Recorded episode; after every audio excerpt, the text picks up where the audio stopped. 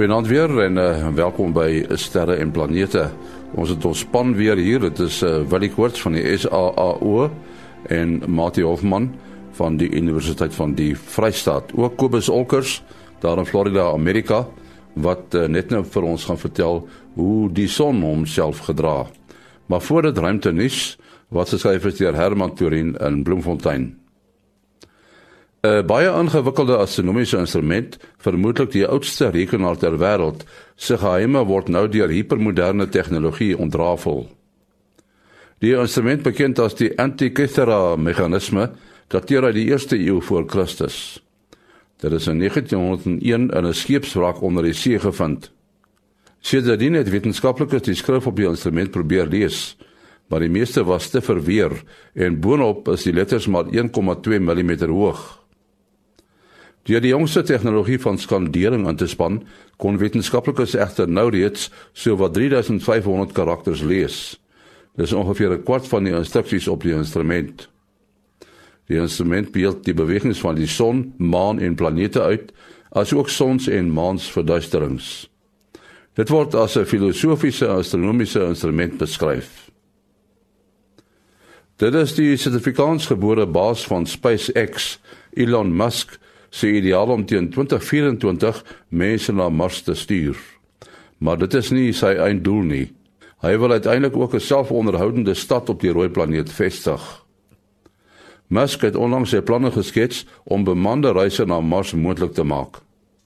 Die planne hang grootliks af daarvan of sy reuse vuurpyl, die Falcon Heavy, suksesvol gedurende die noordelike herfs gelanseer kan word. Teen 2018 wil Musk 'n Falcon Heavy wat 'n Dragon ruimtetuig met instrumente dra na Mars stuur. Teen 2020 wil hy twee Falcon Heavies toegerus met die Dragon ruimtetuig na Mars lanseer. Dit sal ook nog net vrag soos eksperimente dra. Hy gee toe dat die aanvanklike bemande sendinge na Mars baie gevaarlik sal wees en dat dit waarskynlik is dat mense sal sterf. Uiteindelik sal reise na Mars egter veilig en baie gerieflik wees. Tot sover ruimte nuus dan wat geskryf is deur Herman Turin. En nou verskuif ons die soeklig na Kobus Olkers daar in Florida, Amerika om te vertel hoe die son omgedra. Kobus Ja, hierdie week het, het ons 'n verskriklike groot korona gehad op die son. Teen die hele noordelike halfrond van die son is is is een groot korona gat as ons so na hom kyk in die ekstrale hier by 211 uh, angstom rond. En dan is daar hy strek dan ook nog by die ewenaar verby en dan maak hy so dwarsstreep.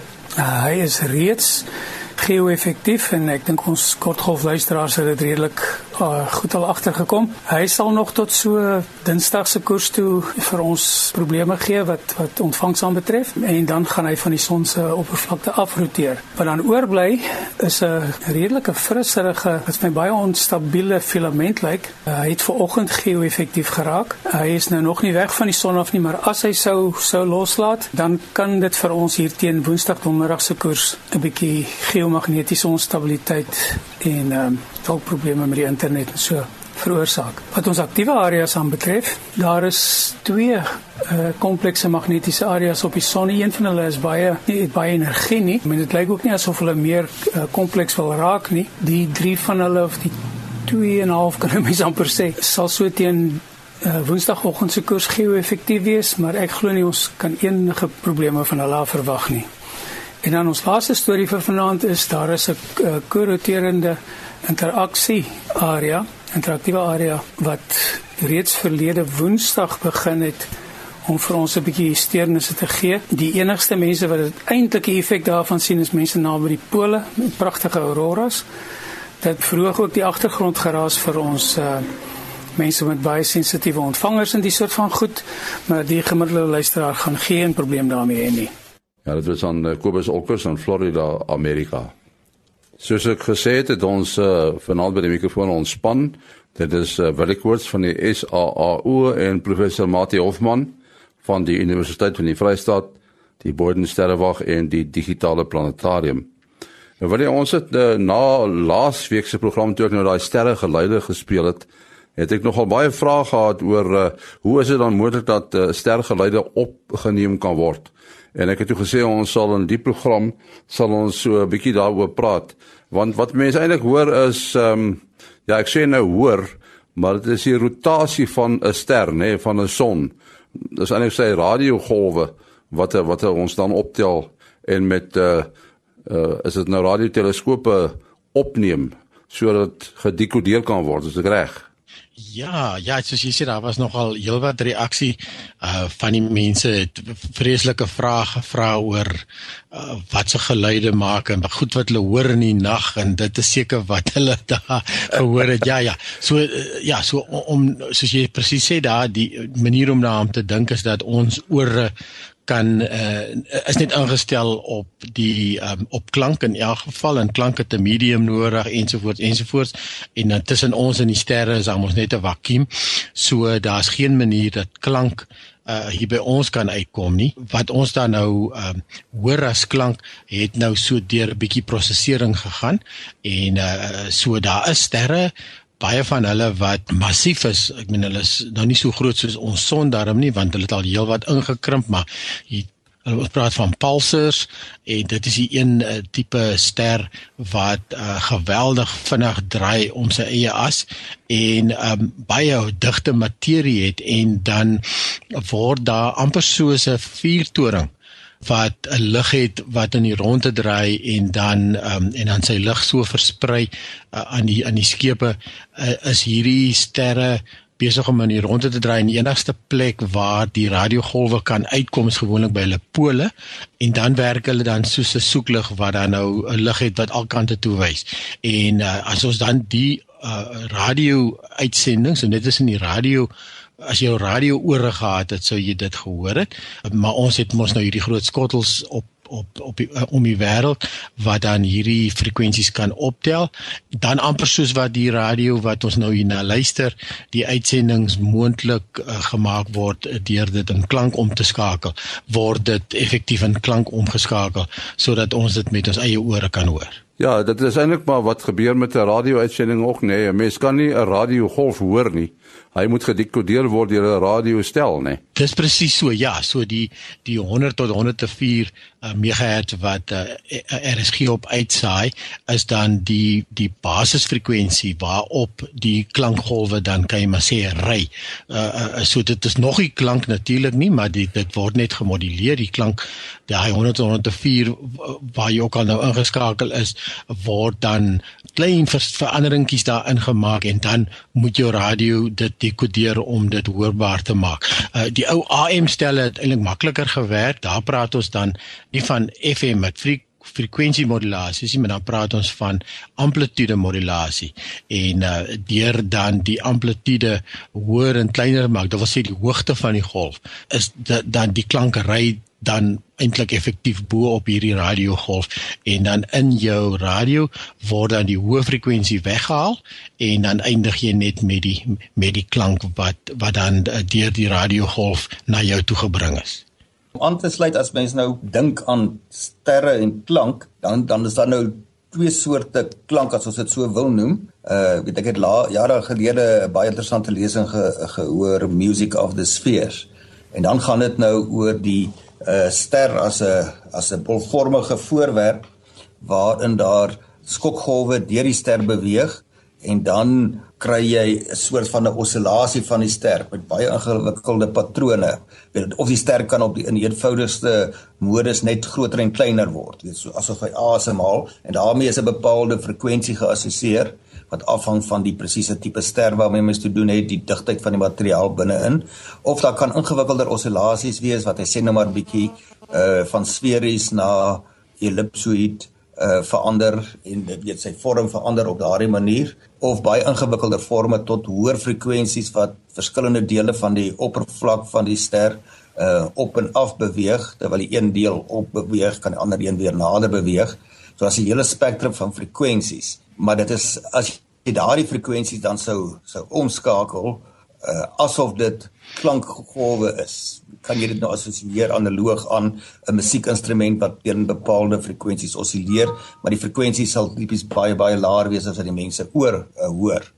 Maar nou in die uh, het ek gesien in die onlangse tye het hulle nou 'n ander soort van klank waargeneem wat nader aan werklike klank is wat jy in die plasma materiaal weens die ingewikkelde prosesse wat in die plasma waar die sterre bestaan plaasvind, kan jy skokgolwe kry wat dan klankgolwe, werklike klankgolwe in daai medium uh opwek. Want klankgolwe in 'n medium is maar vibrasies in daardie medium. Uh maar die frekwensies waarmee dit nou weer voorkom is na die ander uiterste toe. Uh ek sien so 6 miljoen maal hoor as die frekwensie wat enige soogdier sou kon hoor, maar dit is 'n klankgolf. Dit kan ongelukkig nie deur die ruimte tot by uh tot by die aarde beweeg nie want daar's 'n vakuum en uh klank kan nie soos lig deur 'n vakuum voort uh voortplant nie. Maar as jy nou dit sou kon oorleef in daardie warm plasma en jy het 'n klankdetektor gehad, 'n werklike klankdetektor wat die omstandighede kan oorleef en daardie hoë frekwensies kan optel, dan sou jy dit as werklike klankgolwe kon optel. Nou iets heeltemal anders. Ek het nou eendag die vraag gehad en ek het gesê ons sal dit bespreek op die program. Ons sê almal dat uh, 'n ster, 'n son, het 'n bepaalde leeftyd. Uh dit is uh, waarskynlik miljoene miljoene jare. En wat uh, gebeur nou uh so 'n son het mos nou 'n gravitasie. Ons son het 'n gravitasie wat ons planete op hulle plek hou rondom hom. Maar uh, as so 'n son eintlik sy einde bereik, dan is daar mos 'n inploffing. Uh hy uh, word baie kleiner en die vraag was dan wat gebeur nou met daardie uh, ster se gravitasie? Ek weet nie, Matie? Ons kan nou so 'n bietjie ons alledaagse gevoel van van fisika kan ons gebruik om te dink oor hoe so 'n ster sal werk. Want die, die fisika wat in sterre werk is maar dieselfde as die fisika wat op die aarde werk. Dis net die skaal wat verskil. En hier op die aarde beleef ons gravitasie ons weet voorwerpe word na die middel van die aarde aangetrek en as 'n voorwerp kan val en jy los hom dan sal hy na die in die rigting van die middel van die aarde uh, val uh, so dis nou fisika wat ons kan gebruik om te verstaan wat by sterre gebeur dit help natuurlik baie as jy die wiskunde bysit wat die uh fisika in vergelykings uitdruk. Maar dan is daar nou ander belangrike fisika en dit is wat ons ook weet hier op aarde, as jy 'n gas in 'n houer het en jy maak dit warm, dan neem die druk toe. Uh en jy kan daarna ook verwys as 'n hidrostatiese druk. Nou as mens nou 'n ster kry op die sogenaamde hoofreeks wat waar die sterre hulle grootste deel van hulle lewe spandeer, uh, en jy 'n situasie van wat hulle noem hidrostatiese ewewig. Dit is wanneer die ster ehm uh, nie kleiner word nie en hy word ook nie groter nie. Hy's nou in 'n ewewig, dit mag dalk baie stadig met lang tye verander, maar op die kort termyn het hy dan 'n bepaalde grootte. Dit is nie iets wat sommer net gebeur nie. Jy moet 'n ewewig kry tussen die die druk van die warm plasma uitwaarts, want dit wil graag die ster uitmekaar uitdryf teenoor die gravitasie van die ster weens sy eie massa wat weer die materiaal waaruit die ster bestaan in die rigting van die middel wil trek. En wanneer hierdie twee kragte mekaar mooi balanseer, dan kry jy hidrostatiese ewewig. So die jy het nou die uh die gravitasie waarvan jy nou die vergelykings mooi kan neerskrywe wat inwaarts werk en dan die druk weens die temperatuur wat uitwaarts werk.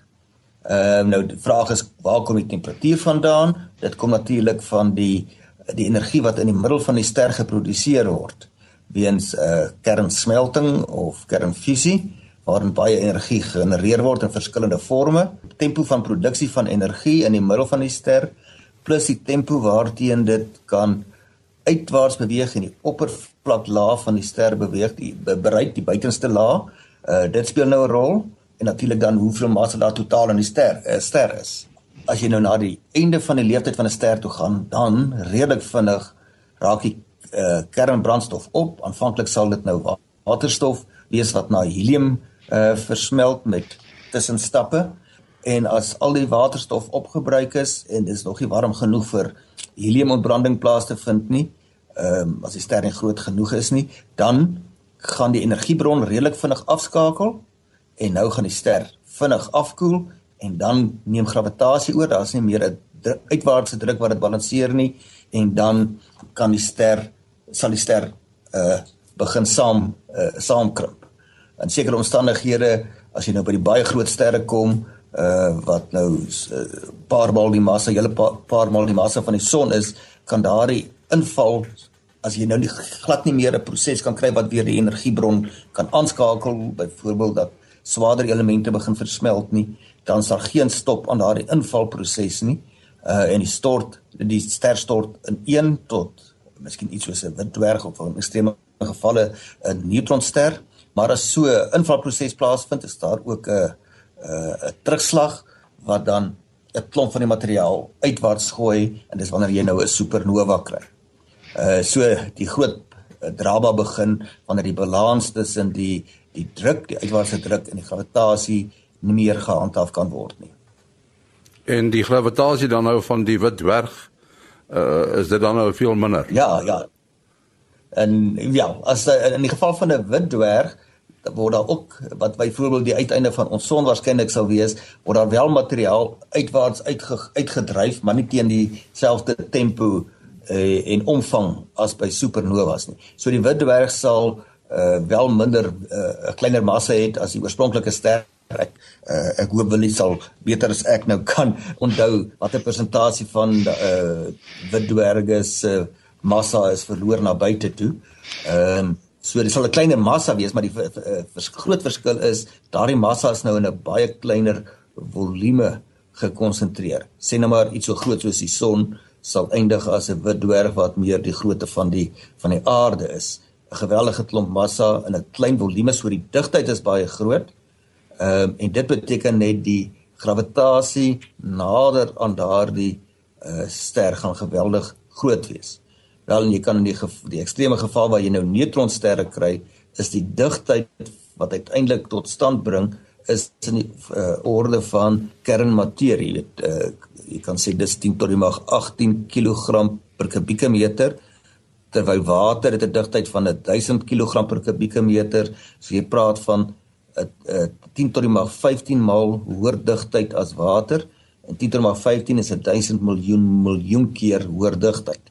So dis 'n vorm van materie wat ons nie alledaags ervaar nie. Teelepeltjie van daai materiaal van 'n neutronster as jy dit nou sou kon doen, maar bloot by wyse van 'n gedagte eksperiment, ehm um, weeg meer as al die mense op aarde saam. Dit net om 'n idee te gee van wat is die digtheid wat ter sprake is. Ja, ek het gewonder, wil jy as 'n mens nou 'n planeet sou kry wat so groot soos ons son is, dan sou hulle twee se gravitasie dieselfde wees dit gaan natuurlik nou suiwer afhang van die digtheid soos soos wat Martin nou ook verduidelik het. So ehm um, uh, as hy dieselfde digtheid as die uh, as die aarde gaan hê, uh, die son se massa uh, um, se digtheid dink ek sal natuurlik minder wees as die aarde want die son bestaan hoofsaaklik gas uit. Natuurlik na die middelpunt raak dit uh, vloeibare gasse en en dan ook uh, um, in die kern is dit amper metaalagtige uh, voorkoms van gasse. As as dit van dieselfde materie materiaal gaan gaan wees in in in die eh, die sonmateriaal as die as die aardemateriaal sal die aarde of van daai grootte sal uit die uit die hart van die saak meer massa hê en dit wil sê meer swaartekrag. Uh nee ja, nee, dis 'n nogal 'n interessante vraag. Wat is die digtheid van die son? Die aarde se digtheid is 'n se gemiddelde digtheid is 'n paar keer die digtheid van van water. Dit ons weet nou as jy nou by rotse kom, het dit 'n heelwat hoër digtheid as water. Uh, maar 'n uh, goeie verwysings materiaal is altyd water self wat ons gesê het 1000 kg per kubieke meter is. Jy weet ons weet in 'n kubieke meter is daar 1000 liter en elke liter is 'n kilogram. Die gemiddelde digtheid van die son is nogal verbasend hoog as mens nou in gedagte hou dat dit hoofsaaklik dit is maar 'n warm gas, plasma. Uh maar uh, ten spyte daarvan is die gemiddelde digtheid 1400 kg per kubieke meter. Dit is hoër as die digtheid van water, maar dit is nog steeds omtrent 4 maal laer as die gemiddelde digtheid van die aarde. Ons moet afsluit. Uh, Maat jy besonderhede? Uh, en die selfoonnommer 083 625 7154. 083 625 7154. En dan wil ek en 072 4579208 072 4579208 My e-posadres maas.henny@gmail.com maas.henny@gmail.com Volgende week is ons terug. Tot dan. Alles van die beste.